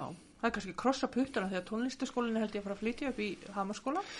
já, náttúrulega góða, góða er að það Nýta það húsnæði. Vestmannabær á fullt af húsnaði það er hérna Íslandsbankahúsi og, og tónlistaskólin og, og veist þannig að ég, ég vona það sá og, smá frægi hérna í, í, höfuð á fólki. já, já, ég meina ég, ég veit nú ekki hvort maður er að kalla út en það er líka bara svo mikið af sko, heimsklassa fólki hérna sem að maður grunar að myndi alveg vilja hjálpa til við þetta, ég meina við erum með Bygga Níls Trómara og við erum með Jarli Einmitt. tónlistaskólanum og við erum með Tóta og við erum með hérna Unnar Június Já, sem er bara fólk með rosa reynslu og, og, og maður veit að hefur verið að hjálpa ungum hljónsundum og, og, yngra fólki að flytta sig áfram og já, þannig að við erum líka manniðin í þetta sko. algjörlega. Þannig að, þannig að þetta er eh, verkefni sem maður væri alveg hægt að leysa, sko. Já, ég held að bara mm -hmm. viljinn til, fyrir hendi, ekki Ég, ég er alveg sammála því, ekki það, ég kann ekkert að spila neitt hljófarið eða neitt, ég held ég kunni að spila smá blokkflötu, Það er bara að byrja. en hérna, en þetta er eitthvað sem ég á, ég bara sé að krakkarnir eru alveg, þau bara býða spennt eftir að fá húsnæði, Já, veist, þau eru, já, þau eru bara svolítið umkomulegs af því þau hafa ekki neitt stað til þess að æfa sig á, þannig að þau alveg, ef það kemur smá, eins og við fengum að vera hérna með útvarpið nýri, hérna, á bárustígnum að þá var alveg bara, var eitt komið í gítarinn og bara, ah, má ekki bara spila eins og gítarinn, já, já, akkurat. Þannig að þetta er eitthvað sem þarf, þarf að breytast. Setjum myndi hugmyndakassan hjá bænum. Mm Ertu með ykkur ráðlíkinga fyrir þá sem að hérna, vilja vinna við það sem þú ert að vinna við? Hvernig er að koma sér að framfæri og hvernig þeir eiga, hvað þeir eiga að menta sig í og... Já, númer eitt ráðið er spurðu. Mm, Um, ég held eins mjög mikið spurðu hvernig óskopunum komst í liðsvonningi þjálfanlega bandri hér. já, Ég bara spurði. já, Þá ekki þetta var hægt sko. Nei, En einmitt. ég spurði bara rétt að mann og rétt um tíma já, og ég kom staða því að það var plás. já, um, ég fekk vinni á dómsmálarándinu bara því ég spurði ég fann e-maili hjá þáverandi dómsmálaráðara Byrni Bjarnasinni og ég sendi honum bara e-mail og sagði að ég er að hérna, læra þetta skrýtna nám og ég kem hérna heim í sumar og er eitthvað pláss fyrir mig í einhvern greiningum eitthvað haður og já, hún þótti bara áhört og bauð mér að koma á fund og þetta var rætt og það var fundi verkefni og já, það var bara því spurði. Og, og bara ótrúlega mikið af svona mínum atvinnu tækifærum og ævintýrum já, hafa komið út af því ég spurði þar sem kannski flestum hefði ekki dotti í huga að spurja. já, Af því það var ekkit endilega verið að auglýsa starf eða neitt eins og, já líka þegar ég fekk starf mitt hjá sérstökur saksónara. Þá fór ég bara og spurði, þeir voru ekki að auglýsa. já, Ég fór bara að labbaði niður eftir og spurði hvað ég getum hengið fund með Ólaf sem var þá sérstökur saksónara og, og bara spurði hann. já, Og hann sagði fyrst nei, Já. en svo ringdi hann í mig nokkur vikur setna og sagði að þeir voru komið nýjan bunga einhverjum skattalabrótum sem þeir vantaði einhver nýja svona í snatri já, og ef ég getur nú eitthvað gagnast í því að þá getur við skoða þetta og, veist, þannig að það er oft ég er allan oft mjög hissa hvað hérna fólk er rættu að spurja mm, því það er oft ótrúlega ótrúlegastu hlutir að það komi í gegn bara með þess spurja sko. já. Þannig það er bara, já, spurðu. já, Mér það alveg magnað. Þannig bara, já, fólk er voðalega feimið að spurja. En í verstafalli fær maður bara nei. já Það er bara svolítið svo leis. og, og líka sko að, þetta þarf ekki að vera bara endlum starf ég er rosa duglur að spurja bara ef ég heyri einhverja manneski í útvarpinu eða einhverju podcast eða eitthvað, ég er bara, vá, þetta er ótrúlega töff og áhverja manneski Já, hún veit ótrúlega mikið um eitthvað sem að ég veit ekkert um en mér langar ókslega að skilja. Já, þá hef ég verið mjög duglur bara að senda þú veist á Facebook eða ringi manneskina eða sjá hvort ég þekkjum einhver sammelega og bara hæ, ég heiti Já. Tryggvi, mér finnst það geggjað. Má ég hitta þig kaffi og bara spurja þig? Já, og bara næstum því allir sem ég hef spurt að svona hafa sagt já eða gefið af sér á einhvern hátt. Já, það er mjög sjálfgæft að maður fær bara reynd nei með engum fyrirvara sko. Einmitt. En hvað ert að vinna með hérna í sambandi við strákana?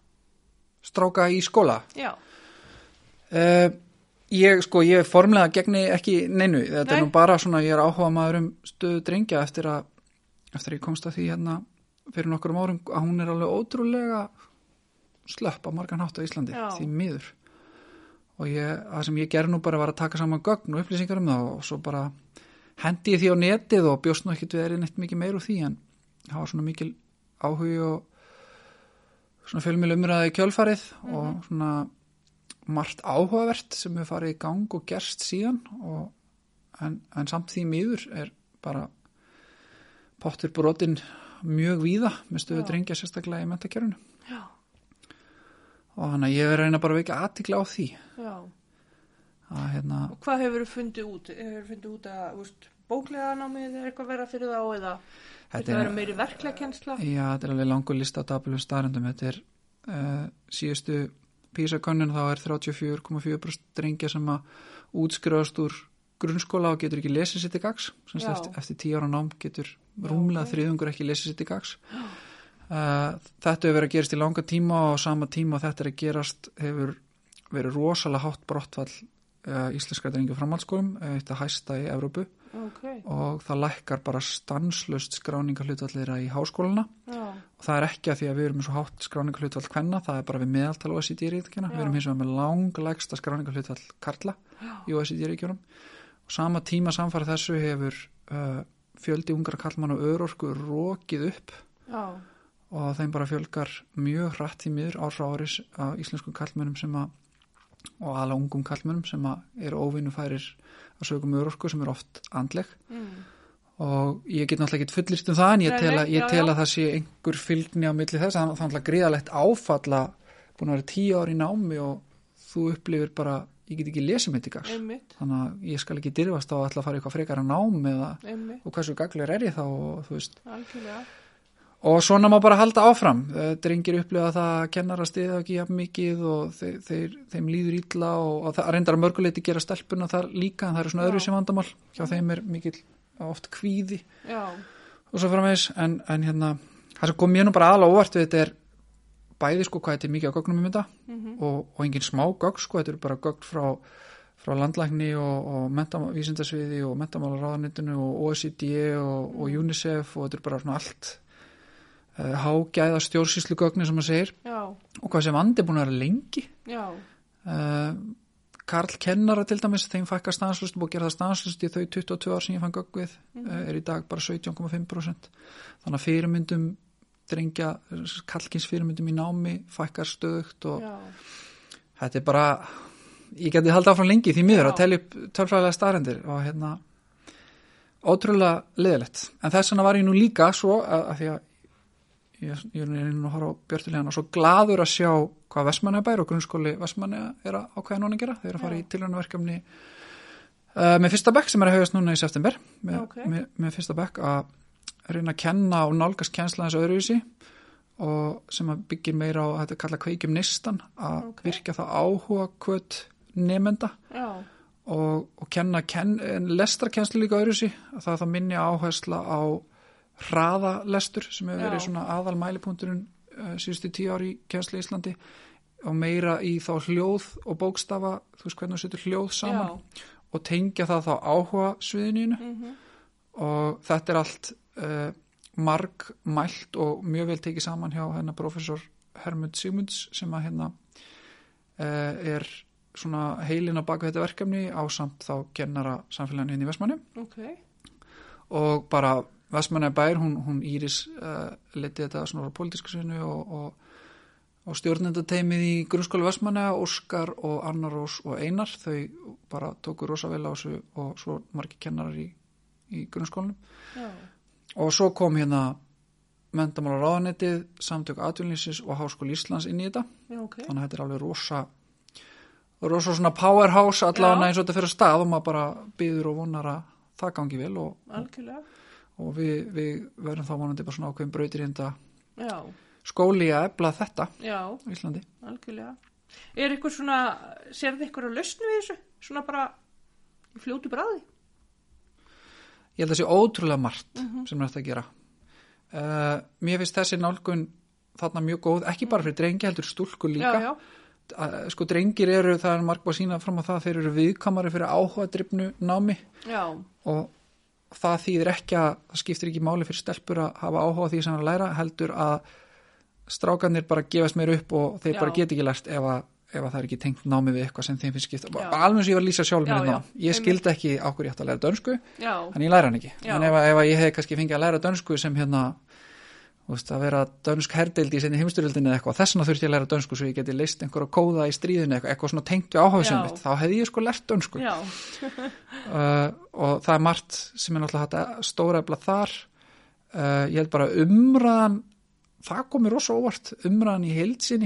hún er á oft ótrúlega lágu plani já, og svona, á svona stereotypu plani.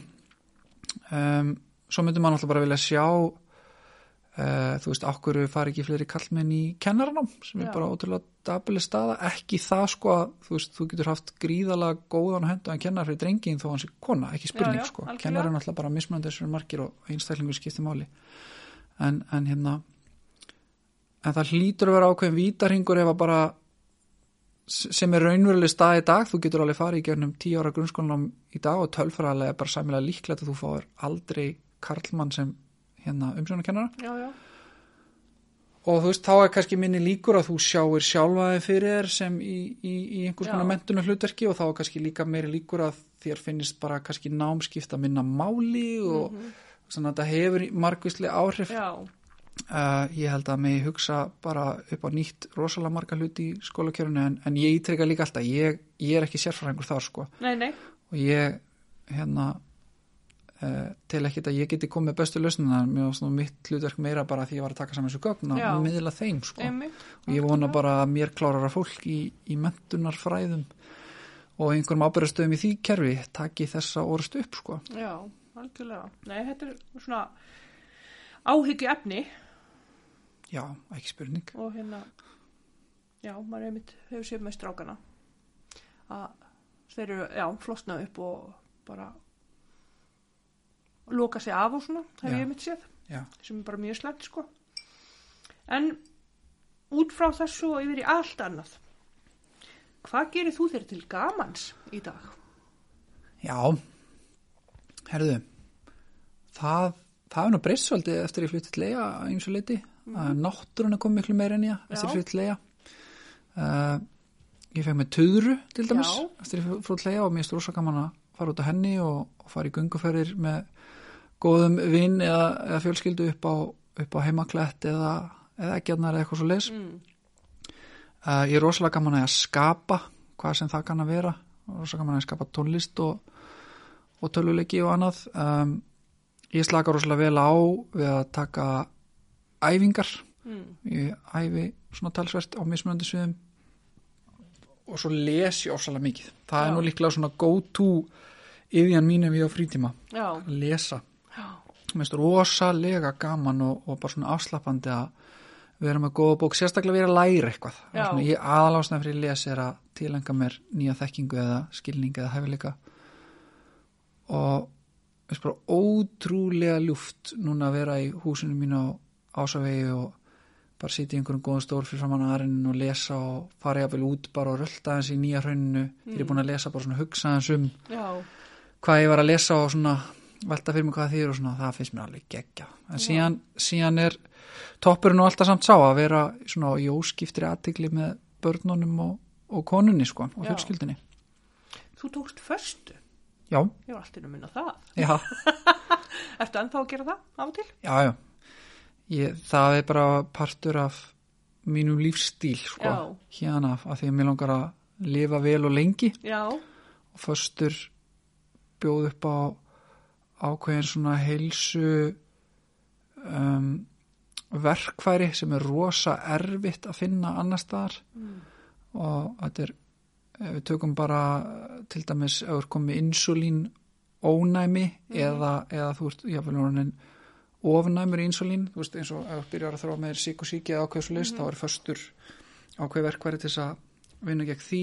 Föstur líka að virkja kerfi sem er kallað autophagy eða sjálfsátt frumna sem er svona ef ég reyna að einfalda hvað það þýr það, það er svona eins og að setja ónæmiskerfi þetta að stera að við erum öll með frumurinn í okkur sem eru skemmt á gölluð og mitokondriuna virki ekki eins og er að vera og svona og það álíka menn að fara um skrokkin og taka þessar frumur og endur nýta þær já, brjóta þær upp og endur nýta þær.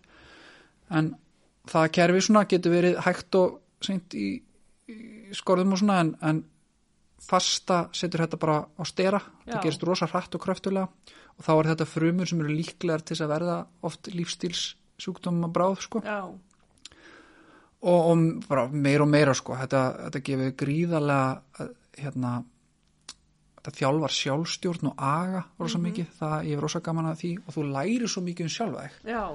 Þú lærir svo mikið um sjálfa þig þegar þetta er svona grundvallar þörf eins og að næra sig. Já, og núna er þetta sviftaði því.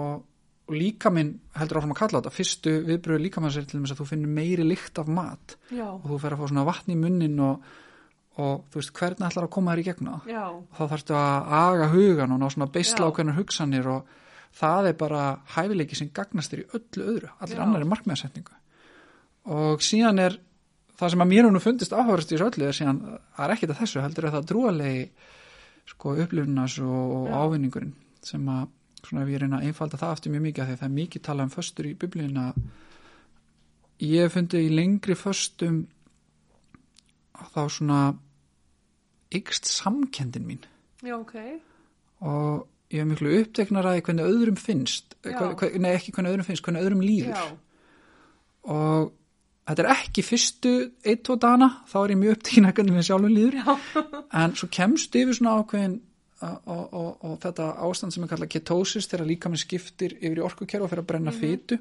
það gerist eh, svona hjá flestum eftir svona tvo hálfan dag.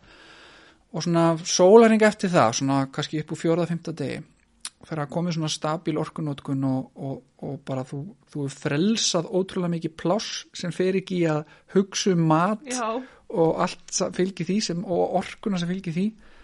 Og þá einhvern veginn allan að gerst það hjá mér og, og ég held að þetta sé ástæða fyrir því að þetta er náttúrulega ég er öllum aðal trúabrjónum er þá verður maður rosa mikið bara svona já hvernig líður þessum? Já, og hann var að segja maður svo illt í bakinu bara ó, mikið þann og, og þá, þá byði ég meira fyrir öðrum og svona af, af meiri krafti. Já, þannig ég, held að bænin að manns verði svona kannski réttlátari eða, eða nær Guðs vilja. Já, af því það er snúast meira um kærleika til annara heldur en kannski að maður er alltaf að hugsa um sjálfa sig eins og, eins og, eins og náttúrulega er oft staðrendin sko. nefnit, Þannig að mér finnst þetta mjög merkilegt ferralag og, og ég hef svona reynd að miðlaði hans með samfélagin kringum mig og bara að því að mér langar að fleiri upplýði þetta því Já, að já. mér, mér finnst þetta svo magna. Þannig ég tek eina langa föstu yfirleitt á ári eða svona mjög langa, svo tek ég svona styttri lengri föstur ársfjórungslega já, og svo inn á milli bara eftir hvað ég er að gera í lífinu sko. já. Hvað, hvað var lög hérna lengsta fastaðin?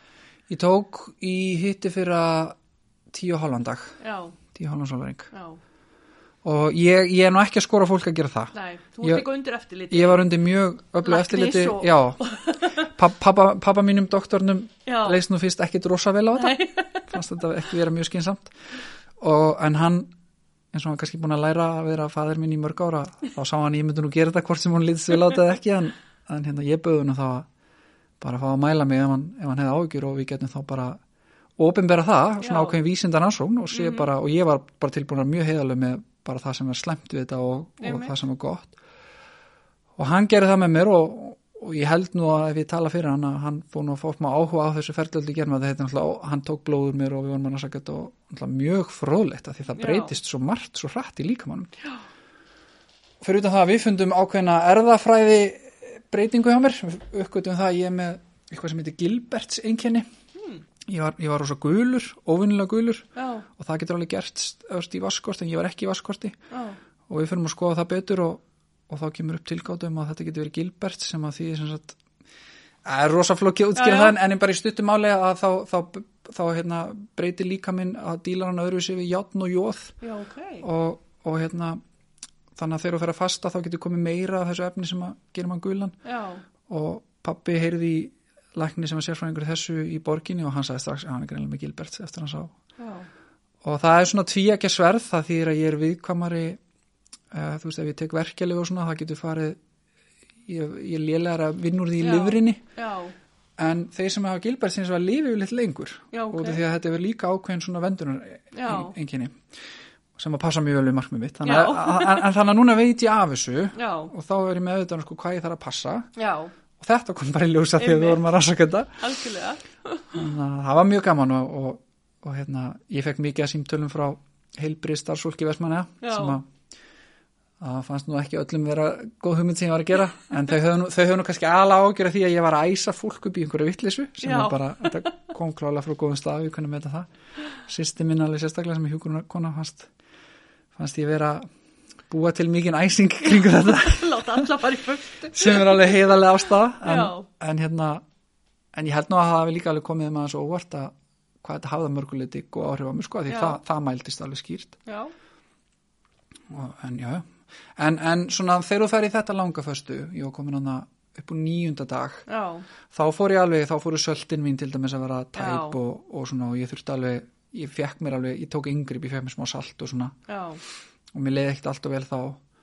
En, en svo veit ég líka og því, því ég þekkjur líka mér svo vel og ég far svo oft í kjörnum þetta að næst þegar ég myndi taka mhm, svona langafæstu þá er ég nokkuð við sem að ég myndi ekki upplifa þess, þessa salt já, dropp á nýjunda degi, það myndi þá örgulega koma á 11. eða 12. já, að því líka menn er ótrúlega fljótur að Þeir- þetta er svo mikil aðlugunar vél já, og ég bara, magnað, ég er svo auðmjúkur frammi fyrir þessu sköpunarverki sko. algjörlega, það er alveg magnað hvað hann getur gert og bara hæfileikanir og virknin sem maður getur tilenga sér þú veist, já, bara fram á elli, bara há, há aldraðan aldur sko, einmitt, það er ótrúlegt. Þetta er alveg magnað. já, Nei, þetta var, var gaman að þessu nefnilega. já, já þetta, fekk, þetta fekk miklu meira ég held ég, ég fór í, í einhverja tugi fjölmjöla viðtala og það, var, það bara kom mér eiginlega mest ávart ég var nú bara að halda utan um þetta því ég var með hópa fólki með mér í þessu en ég var að láta þau fá upplýsingar svo að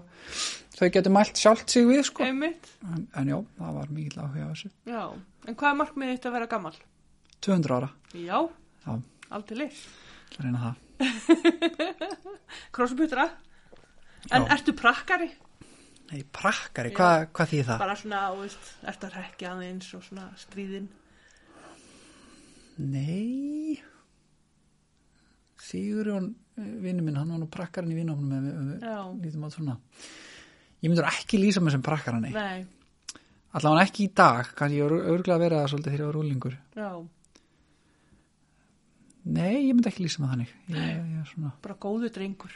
ég veit ekki heldur hvort ég myndi lýsa mig þannig en, en, en nei, nei, ég er nú yfirlega ekkit eitthvað svona gera einhverja, einhverja rekki eða eitthvað svolítið sko. Bara meira svona upp, upp á takja samur og svona. Já, eða það fyrir eftir hvernig skilgrina það. Já, já, ég, veist. yfirleitt framkvæmið það sem, að, Já, ég er að það, það sem ég finnst áhugavert og Já, hvort, hvort sem að samfélagin í kringum ég þykja það eða ekki. já. Að, nei, ég er hérna, ertu með eitthvað sögu handa okkur svona í endurinn? Ú, ég veit það ekki. Það var ímislegt sem var hægt að taka af. Og gefur eitthvað aðeins skýrar ramma kannski. Bara eitthvað sem þið dettur í hug. Fyrsta sem dettur í hugsunar. Fyrsta sem er í hausunum er Já, heyrðu, að því þú varst að spyrja svona um æskunaðan og hvað við vinnápinu vorum að gera sem úlingar. Það var svona, það kom rosa skemmtilega svona 2-3 ári vinnápinu það sem að, það var alltaf keppni sko, hvernig getum við gert eitthvað trilltar en síðast Mm -hmm. Og það byrjaði svolítið á því, það var semst byrjun á því ferralagi að við förum, semst Sigurjón var tveim árum eldri en við hínir flestir. Já, og hann er semst fættur 84 og ég er fættur 86 og, og við vorum flestir 86, Hósi 85 Hlynur var reyndar 83 en þegar Sigur hann semst fæ bílpróf þá nutu við uh, þess 15 ára flestir að, að geta verið komið með einn í vinafnum með bílpróf hann mm -hmm. við erum alltaf að rúnda og alltaf mikið sport svo svona fljótlega hann var á hann að landgrúsir fóreldra sinna sem að fekk nú að gangi gerum ímislegt sem ég veit nú ekki hvort að fóreldra hans vita alltaf. Við var ekki að stríð og ímislegt sem var í gangi. En hérna eitthvað kvöldi þá voru við eitthvað að tala um að fara út að renna. Það var ótrúlega fallu snjór. Og þetta var eitthvað klukkan eitt á miðugutaskvöldi eiginlega engin í bænum og bara vennileg virkur dagur.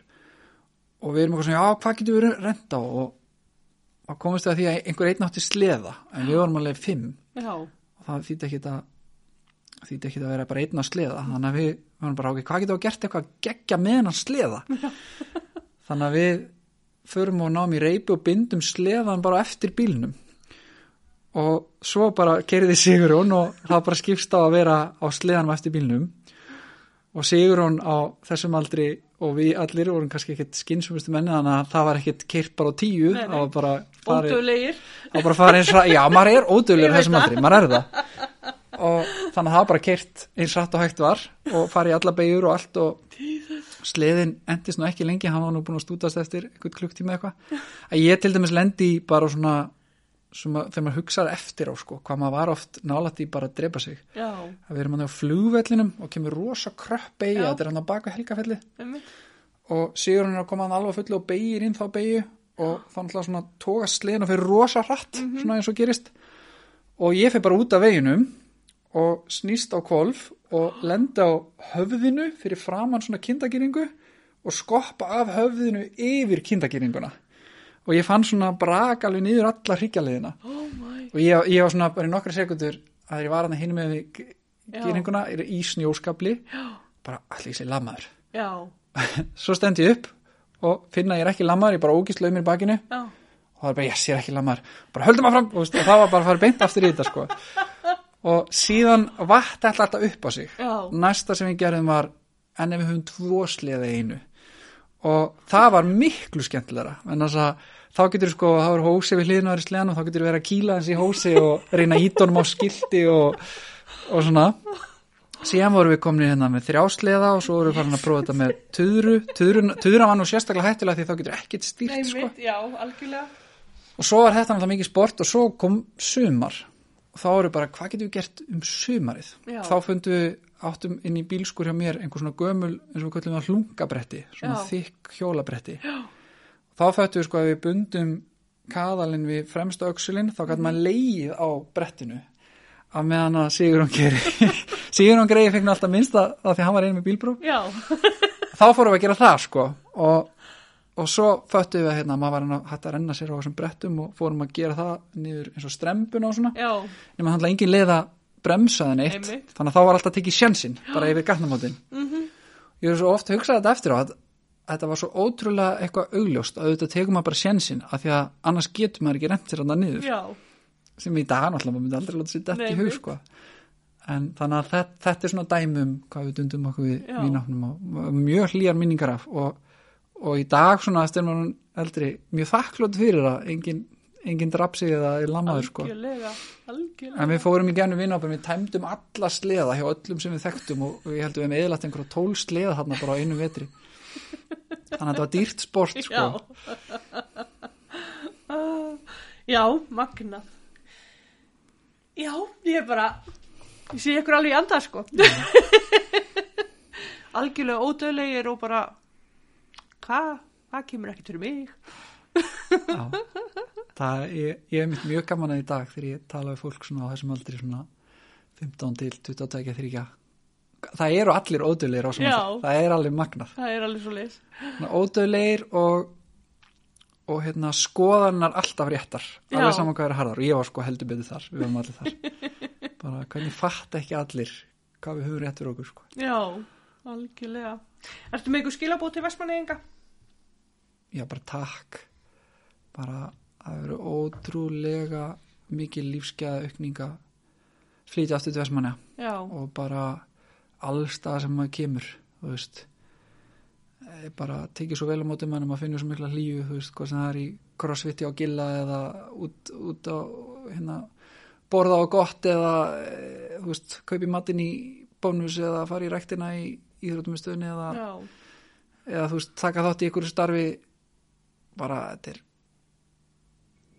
þetta er ótrúlega gott samfélag að vera í og ég er, ég er svo þakkláttur fyrir það, ég er svo þakkláttur fyrir að ég fæ líka alveg bönni mín þrjú hérna upp sko. Já, og já, ég meina bara eins og eins og sóli, þú veist ég, ég á með bönni mín í fjórum mismönda leikskólum ekki og sóli er algjör heimsklassa leikskóli. Já, strákur minn hérna, hún Íris Páls var, var hérna umsönarkennan hjá Bjarti núna fyrstu fjögur árin og því líkur gullmóli sko, þetta er bara svo mikið góðu fólki hérna, sem vil svo vel og, og þú veist, það er náttúrulega gott fólk allstaðar en það er einhvern veginn bara herri samansöfnunaði hér, það er alltaf mín upplifun sko. Já.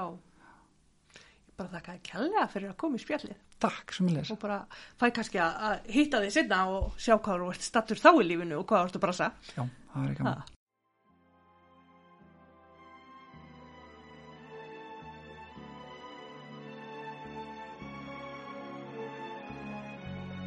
Halldór Svavarsson tók saman grein um bókina sem að hann skrifaði og var gefin út árið 2018 um grænlandsför gottu og fáum við núna að heyra þessa grein. Grænlandsför gottu eftir Halldór Svavarsson Frækin för mótorbátsins Gottuvaffe 108 til Grænlands árið 1929 vakti mikla aðtikli og umræður í þjófélaginu á þeim tíma.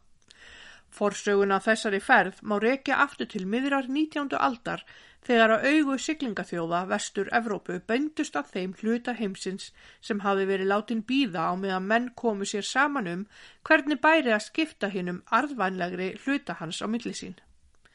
Danir höfðu komið sér vel fyrir bæði í Færegjum og á Íslandi og á sama hátt tryggt sér söður hluta vestustrandar Grænlands en vildu þó egna sér landið allt. Normenn voru hins vegar þeir einu sem höfðu nýtt sér austuströnd Grænlands og stunda þar veiðar á loðdýrum. Selveiðar voru þeim líka drjúfu tekilind sem og fisk og kvalveiðar. Þrátt fyrir að Danir kæmust ekki upp á lag með veiðar á og við Grænland þá gerðu þeir út leiðangra til að kanna landið. Vigfús Sigursson ættaður úr þistilfyrði var mikill garpur og ferðamaður.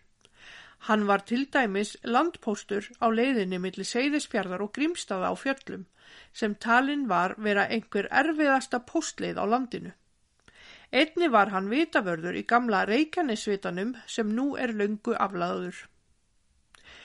Hann fór með dönskum landmælingamönnum þvert yfir Grænlandsjökul á árunum 1912 til 1913 og sá þá söðunaut fyrstur Íslendinga að talið er. Það var Vigfús sem var aðal kvatamaðurinn að ferð gottu til Grænlands. Eftir landamóti 1900 voru skinn söðunauta orðin býstna dýrmætt. Söðunautin voru líka eftirsótt í dýragarða og höfðu náð háum verðum. Að mati margra voru söðunaut talin heppileg til ræktunar á Íslandi en það gengu þau úti allt árið og sáu alfarið um sig sjálf.